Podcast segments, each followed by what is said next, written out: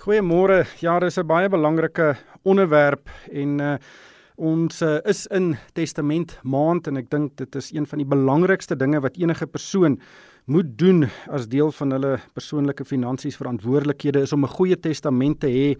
En dit is nie net om te verseker dat wanneer jy wanneer jy te sterwe kom dat jou bates en gevolge jou wense verdeel word nie, maar dat jou boedel so vinnig en pynloos as moontlik afgehandel kan word en as 'n testament nie in orde is nie, kan dit geweldige angs, spanning en frustrasie vir naasbestaandes meebring.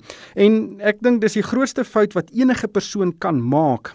En uh, as jy nie 'n testament het nie, en dit skep 'n absolute nagmerrie vir naasbestaandes. So ons gaan vandag kyk na hoe iemand te werk moet gaan om 'n behoorlike en 'n relevante testament op te stel, waar en hoe om dit te doen, hoe gereeld dit nagegaan moet word, wat dit kos en ook uh, wat die grootste foute is wat baie mense met testamente maak. Ek het twee absolute kenners vandag om daaroor te gesels. Dis uh, Louis Jooste. Hy's 'n fidusiëre spesialis by FNB Private Welvaart en ook Rita Kool, sy's 'n finansiële beplanner by Alexander Forbes. Maar Louis, kom ons begin by die proses. Uh, wat is die proses om 'n testament op te stel? Goeiemôre Ryke en dankie vir die geleentheid om met jou te gesels. Um, om jou vraag te antwoord, hoe mens te werk moet gaan om 'n testament op te stel is is is is, is dalk nie die vraag waar, waarmee mens moet begin nie.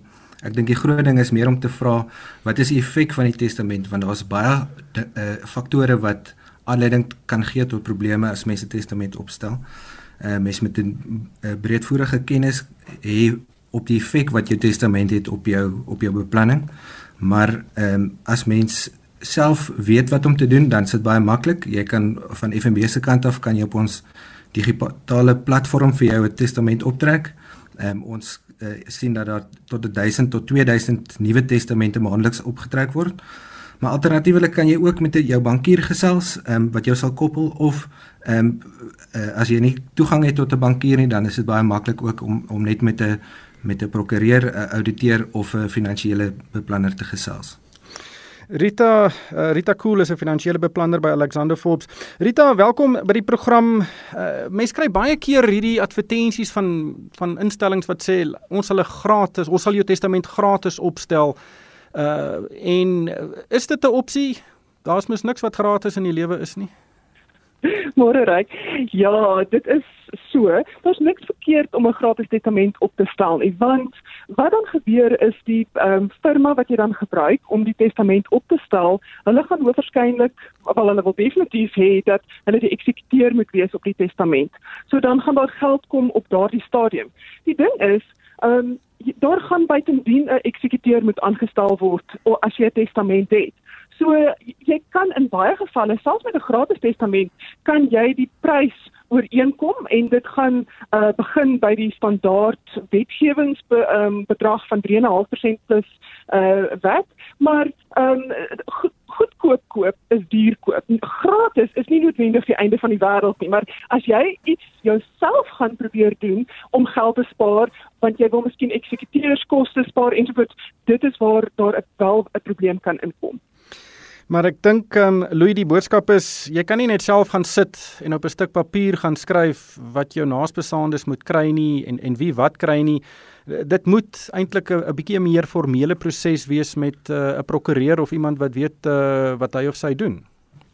Ja, nee, dit is verseker so ryk. Ehm um, ek dink die, die statistieke lees dat 20 tot 25% uh, eh, van die boedels wat wat ehm um, wat wat geregistreer is ehm um, uh, um, nie nie testament op is nie. Die groot ding is maar meer om te besef wat die wat die effek van jou van jou beplanning uh, op jou naasbestaanes het want dit is gewoonlik die wat ehm um, wat benadeel word as jy nie deur weldeurdagte plan het en 'n strategie het met wat met jou welvaart moet gebeur as jy tot sterwe kom nie. Hmm. Rita, ek wil terugkom na hierdie 3.5% van jou toe. Ehm um, wat jy nou genoem het wat 'n bedryfsstandaard is.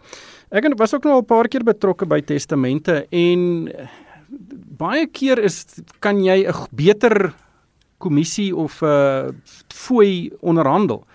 Uh byvoorbeeld as jy uh, nie 'n uh, gratis testament laat opstel waar daar 'n voorgeskrewe fooi is nie, maar jy Uh betaal nou maar 'n prokureur om dit vir jou op te stel en jy maak dan een van jou familielede die eksekuteur en dan kan daardie eksekuteur moes uh, iets soos 'n 'n firma aanstel om die boedel af te handel teen 'n heelwat laer fooi. Uh, kan jy miskien gesels oor wat die opsies is vir mense om daai fooi 'n bietjie laer te kry as 3.5%? Ja, dit is definitief 'n opsie. Um, ek weet baie mense stel wel 'n familielid aan om die eksekuteur te wees, spesifiek omdat hulle probeer koste spaar. En Die probleem is dat mits daardie familielid 'n genoegsame kennis het om die boedel um, klaar te maak, gaan die meester uh, buitendien nie vir daardie persoon aanstel as 'n uh, eksekuteur nie en dan gaan hulle buitendien iemand moet huur. So dan is daar miskien nie soveel kostebesparing as wat mense dink nie. Maar 100% vir al die groter boedels is daar definitief ehm um, 'n bespreking wat gevoer kan word voordat jy natuurlik sterf, want anders is dit 'n bietjie te laat. Dit moet voor die tyd alles uitgesorteer wees sodat jy kan sê goed, maar ek het 'n baie groter boedel, ehm um, die standaardkostes moet gedelg wees. Jy gaan buitendien nie wegkom van die ad, uh, advertensiekoste wat plaasvind. Daar is sekere wetgewingskoste wat moet uh, wat gevra gaan word as jy te ver kom. So dit gaan buitendien nie uh, uh, verwyder kan word nie, maar jy kan definitief 'n gesprek hê met die persoon wat die testament opstel en dan is dit die moeite werd om die geld vooraf um, te, te betaal want jy weet dit is dan reg gedoen en uh, jy jy bespaar die geld in die toekoms. Dis 'n hele klomp vrae, maar kom ons gesels net gou eers oor ehm um, Louis, wat moet in 'n testament staan en miskien kan mens die vraag bygooi wat is die grootste foute wat mense maak as hulle 'n testament uh, opstel of laat opstel Ja daar's 'n daar's 'n reeks uh, wetlike vereistes wat nagekom het word en ek dink dis ook waar sekere van die foute gemaak word is dat uh, die getuies met mekaar se teenwoordigheid onderteken uh, die testament onderteken. Baie keer gebeur dit dat die testament um, deur die kliënt onderteken word en dan uh, dan loop die test dan loop die uh, die kliënt dan teken die die getuie sommer kry die die die firma sommer iemand daar wat getuie teken. So dit is een van die van die wetlike vereistes wat gewoonlik nie nagekom word nie. Ehm um, een van die van die ander goed wat wat 'n testament moet moet in het wat mense nie noodwendig uh, oorweeg nie is uh, nadat jy nou spesifieke bates bemaak het, ehm um, uh, moet jy ook onthou dat as jy minderjarige kinders het, moet daar voog aangestel word oor die oor die kinders. Ehm um, as as ehm uh, um, jy bates wil beskerm vir die kinders, dan is dit ook 'n goeie idee om dalk voorsiening te maak vir 'n testamentêre trust. Die fout wat daar gemaak word is baie keer dat die dat die uh, trust sê dat die die die trust keer uit as die kinders uh, die 18 jarige ouderdom bereik. Ehm um, dit is nie noodwendig 'n goeie idee nie. Ehm um, ek weet net wat ek self sou gedoen het as ek 18 is en 'n in 'n lomsom geld gekry sou kry. Ehm um, nog 'n fout wat mense maak is om te om te sê dat ehm um, hulle bemaak die opbrengs van hulle polisse en van hulle aftreeanniteite uit hulle testament uit. Ehm um, die wet die wet maak nie voorsiening daarvoor dat jy dit kan doen nie. Daai tipe begunstigings moet gemaak word vanuit jou finansiële produk self. Ehm um, en so ook kan jy nie beheer uitoefen uh, uit jou familietrust uit jou testament uit nie. Jy staan 'n groot risiko om boedelbelasting te betaal op trustbates as daar nie 'n uh, 'n duidelike skeidslyn is tussen die bestuur oor jou familietrust en jou en jou persoonlike bates nie.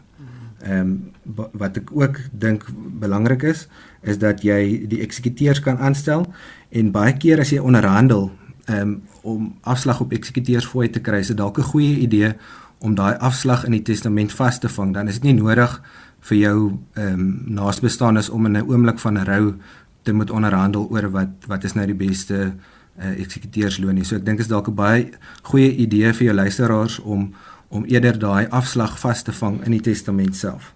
Ehm um, ek dink dit is meerendeels ehm um, wat wat 'n groot is, uh, probleem is. Wat nog 'n probleem is is baie keer vergeet mense dat hulle getroud is in 'n sekere huweliksgoedere bedeling en dan bemaak hulle bates ehm um, sê nou maar ek sien ek het dit al ge, baie gesien dat die testament lees uh, tradisionele Afrikaans ehm um, die testament lees die man as die man tot sterwe kom dan erf die vrou alles en as die vrou doodgaan dan erf die die kinders alles of alles gaan dan na die trust toe. Maar die probleem is as jy binne gemeenskap van goed getroud is of as jy met die aanwas getroud is ehm um, en jy en die en die vrou gaan eers dood dan kan dit nogal wesenlike probleme veroorsaak Ehm um, want baie keer is daar uh, in die gemeenskaplike boedel 'n besigheid of 'n plaas wat bestuur moet word.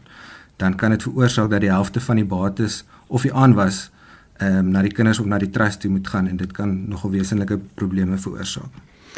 Rita, watse probleme sien jy gereeld? Een van dit dit is eintlik 'n verskriklike maklike fout om te begaan. Ehm um, as jy byvoorbeeld meer as een keer getroud is en jou nuwe bewoording sê iets soos ehm um, my vrou moet alles erf en jy het nie gespesifiseer wie die vrou is nie. Is dit vrou 1 of vrou 2 wat daai geld moet kry? En dan is daar nou 'n groot geveg tussen vrou 1 en vrou 2. So jy moet baie spesifiek wees en as jy gesê het ehm um, wees spesifiek want jy kan nie net aanneem aannames maak dat die een persoon gaan voor die ander een te sterwe kom en dan moet jy ook spesifiseer um, wat gebeur as die as beide van julle in dieselfde kar ongeluk sterf. Maar ek dink die grootste fout wat ek sien is dat mense bang is om 'n testament op te stel. Hulle het een of ander rede dink hulle dat hulle skielik vinniger gaan sterf as hulle 'n testament opgestel het. Maar die groot probleem is om nie 'n testament op te stel nie en dan is jy nie daar om jou uh dat dat, dat jou wense um, uitgevoer kan word nie want daar is nie 'n testament nie. Ja, dit is uh om intestaat te sterf is is regtig eintlik 'n groot gemors. Ehm um, nog 'n fout wat ek al gesien het is dat iemand nie die uh, testament opdateer nie en baie keer stel mense 'n testament uh, vroeg in hulle lewe op en dan los hulle alles vir hulle ma of pa en dan trou hulle en het kinders en dan as dan nou die die uh, ongelukkige gebeur en hulle sterf af, dan is daai testament net nie relevant nie. Ehm um, Louis, hoe, hoe gereeld moet iemand gaan kyk na 'n testament en seker maak hy is nog relevant en uh, neem die jongste lewensomstandighede in ag? Ja, nee, dis 'n goeie vraag reik want ehm um, jy gaan net een keer dood, so jy, jy die testament die jou testament moet die mees op datum wees die dag voordat jy doodgaan. Ehm um, ek sou aanbeveel dat jy die testament verander as daar wesenlike statusverandering plaasvind. Soos jy gesê het, ehm um, soos wat jy deur die lewensfases beweeg, ehm um, jy trou dalk ehm um, as jy as jy trou met jou testament opdateer, as jy kinders kry met jy jou testament opdateer om vir, om vir hulle voorsiening te maak. As jy ehm um, skei met jou uh, soos soos Rita nou gesê het met jy jou testament opdateer, maar dit kan ook wees dat jy dalk 'n uh, 'n onderhoudsplig teenoor jou ouers het mettertyd. Uh, dan gaan jy ook jou testament moet opdateer om dalk vir hulle voorsiening te maak, want andersins gaan daar uh, 'n uh, onderhoudsproses gevolg moet word. So dis baie belangrik om as jy as jy beplanning rondom jou testament doen, dat jy jou dat jy jou geheel van jou welvaart in ag neem, al jou verpligtinge, al die wetlike vereistes en en sodra jy daai ehm um, reg het en en jy voel jou testament is reg, kan jy elke derde jaar jou testament opdateer uh, en die rede daarvoor is omdat die wetgewing so uh, verander. Jy sal sien die die belastingwetgewing veral verander gereeld. So dis baie is 'n baie goeie praktyk om elke derde jaar byvoorbeeld jou jou testament op te dateer. Ja, ek dink dit is baie belangrik. Ehm um, Rita het 'n hele klomp vrae en ek kom ons kyk of ons vinnig deur hulle kan gaan. Ehm um, hiersoos uh, een persoon wat sê, "Hoe kry ek my man om erns te neem om ons ons testamente hernie?" Uh hy wil dit net eenvoudig nie doen nie. Ehm um, en dit is al 20 jaar gelede opgestel. Ehm um, ek dink ons het daaroor gesels. Dit is uh, nie 'n lekker ding om te doen nie, maar dit is baie belangrik dat dit gedoen moet word. Ehm um, hier is nog 'n uh, uh 'n vraag oor hoe lank dit neem om 'n boedel af te handel selfs met 'n testament. Uh, wat is 'n billike tydperk om 'n boedel af te handel as die testament in orde is en kan ek kan miskien 'n vraag bygooi en sê uh met hoe lank kan 'n swak testament die afhandeling van 'n boedel vertraag? Ehm um, op die eerste vraag, ehm um, hoe om jou man daaroor te laat finaliseer en dit verander, baie keer help dit om met 'n finansiële adviseur te gesels op dieselfde tyd, want dan is dit basies amper soos 'n skeieregter as jy 'n ander woord wil gebruik, want dit is nie net jy en hy wat praat nie. Jy het 'n derde party en julle kan dit apart bespreek as hy miskien ehm um, vra het wat hy nie noodwendig vir jou wil bespreek nie, maar kry iemand buite die verhouding wat dan wys hoe ernstig dit kan wees en wat die impak gaan wees vir die familie as die veranderinge nie plaasvind nie. Want die ander kant is hy kan ook geaffekteer word as jy nie jou ehm um, testament verander nie. Dan dit vat dit is nie 'n proses wat in 'n paar dae afgehandel word nie, want die, die, die rekeninge moet toegemaak word en uh, vaste eiendom moet oorgeskuif word. So dit is 'n proses wat maande vat. Selfs al is daar 'n testament, net die proses om die ehm um, eksekuteur aangestel te kry, ehm um, vat 'n rukkie en daar is papierwerk om reg te kry. So die eksekuteur is eintlik net die eerste fase. Dit is waar is al die bates gehou? Watter bates is daar? As daar nie 'n lys is daarvan en dit moet oral gesoek word en daar moet advertensies ge gedoen word. Dit vat nogal 'n rukkie en dit kan jare vat. Ehm um, want as daardie uh, testament in dispuut kom en dit moet hof toe gaan want iemand um, sê maar ek dink nie dit was die persoon wat geteken het nie of daai persoon was siek geweest so hulle was nie 100% meer by hulle positiewe sinne nie. Dit kan jare vat om 'n uh, boedel um, uit te sorteer. Ja. Louis is 'n hele paar vrae oor die eksekuteur en wie die eksekuteur mag wees en wie hom of haar aanstel. Kan jy miskien daardie proses uh, verduidelik asseblief Ryk het ek het nou verloor vir 'n vir 'n oomblik. Hier's 'n hele paar vrae oor die eksekuteur, wie die hom wie hom of haar aanstel en en watter magte hulle het. Ja, so so die eksekuteur is gemoeid met die taak om die om die persoon se se se hoofstuk in die lewe af te sluit. So is baie belangrik wie jy aanstel. Ehm um, want daai persoon moet moet 'n absolute kenner wees in die gebied want uh, as jy nie as jy nie weet wat om te doen, wie om uh, in kontak te tree nie, watter advertensies moet geloods word, wat doen jy met 'n met 'n vuurwapen ehm um, uh, as jy vuurwapen bemaak word aan iemand wat nie 'n vuurwapen lisensie het nie of wat 'n minderjarig is, wat doen jy dan? So dit is baie baie belangrik dat as jy eksekuteur aanstel, dit iemand is wat spesialiseer in die in die gebied.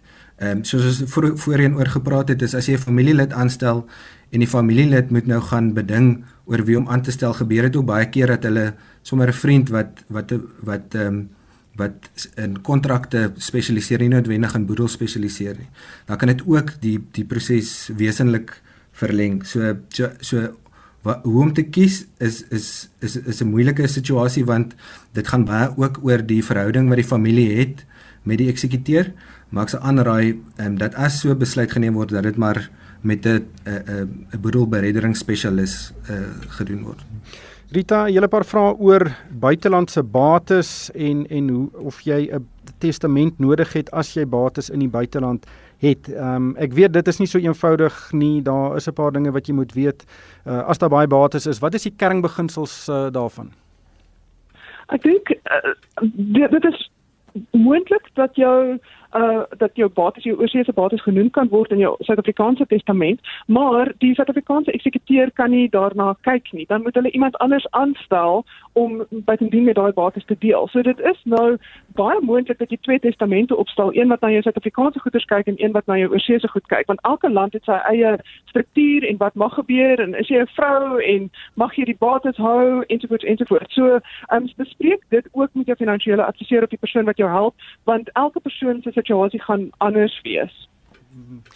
Ja, Louis, wat is 'n 'n buitelandse bate? As ek nou 'n huis in in die buiteland het, neem ek aan dit is nou 'n baie goeie voorbeeld van 'n buitelandse bate, maar wat as ek nou in Suid-Afrika belê in Effekte Trust in die buiteland, word dit gesien as 'n 'n buitelandse bate?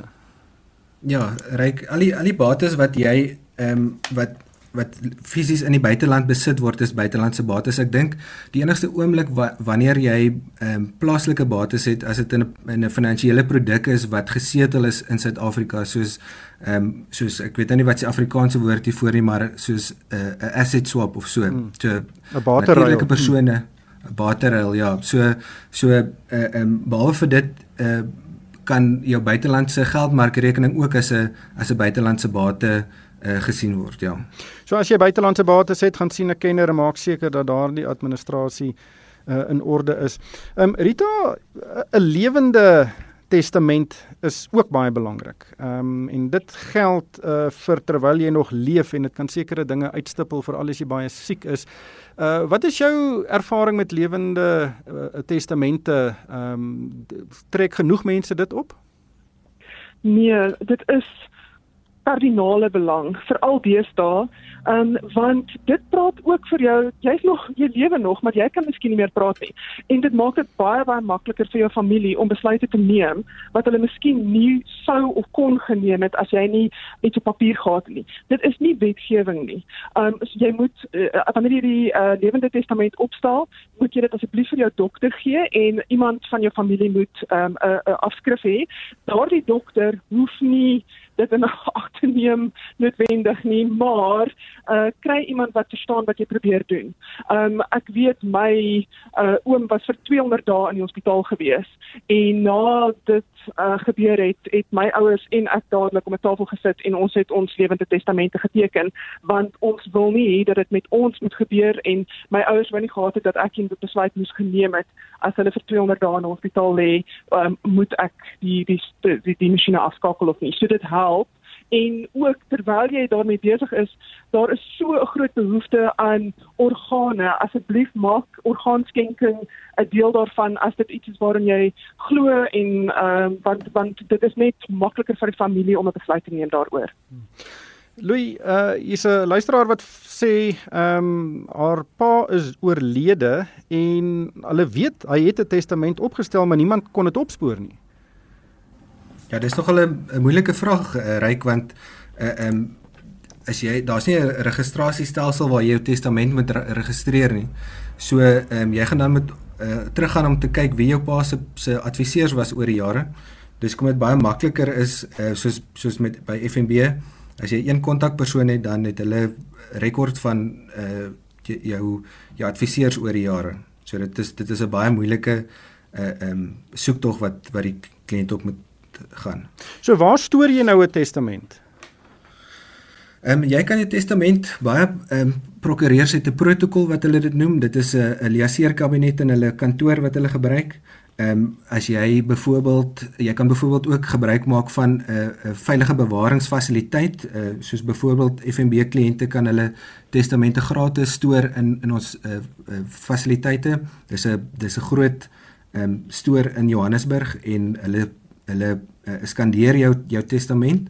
Hulle hou die oorspronklike afskrif uh, op die rekenaar sodat uh, as jy tot serwe kom en jy jy wil um, navraag doen uh, vir hulle om om jou onmiddellik te help met 'n afskrif van die testament en dan die oorspronklike word aangevra en gestuur vir die vir die meester. So dit is baie belangrik dat die dat jou luisteraars daai hierdie spesifieke vraag vra oor wat word van my testament want dit is nie noodwendig altyd 'n goeie idee om die testament in die stoor ag in die in die kluis by die huis te te bær nie want daar kan net 'n inbraak of 'n huis brand of iets mm. wees wat wat die oorspronklike uh, um, vernietig.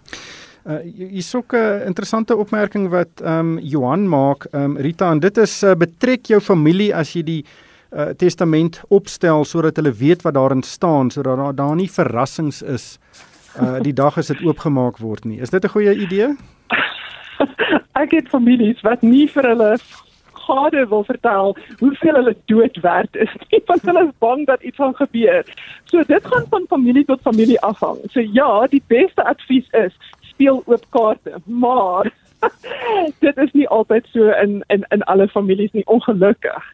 Ehm um, dit is iets wat jy as dit eh, in jou familie so is dat jy kan bespreek, maar dit kan ook baie baie slegte bloed veroorsaak as dit verkeerd gehanteer word. So vat dit maar soos wat jou familie pas. Hmm. Ja, baie mense wil ook uit die graf uit regeer, maar uh, ek dink dis 'n ja. gesprek vir 'n ander dag.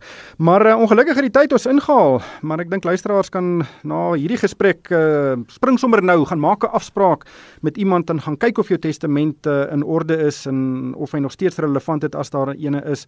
En as jy nog nie 'n testament het nie, spring sommer hoor en gaan doen dit sommer vandag nog of uh, so gou as moontlik. Maar uh, daarvoor uh, dan moet ons nou groet uh, Louis Jooste, hy's 'n fiduciêre spesialis by FNB Private Welvaart, dankie vir jou tyd vandag en Rita Kool ook, eh, sy's van Alexander Forbes, dankie ook vir jou Rita. Ehm um, luisteraars kan vir my 'n e-pos stuur, dis ryk by moneyweb.co.za en daarmee moet ons groet. Ek hoop almal het 'n lekker dag verder.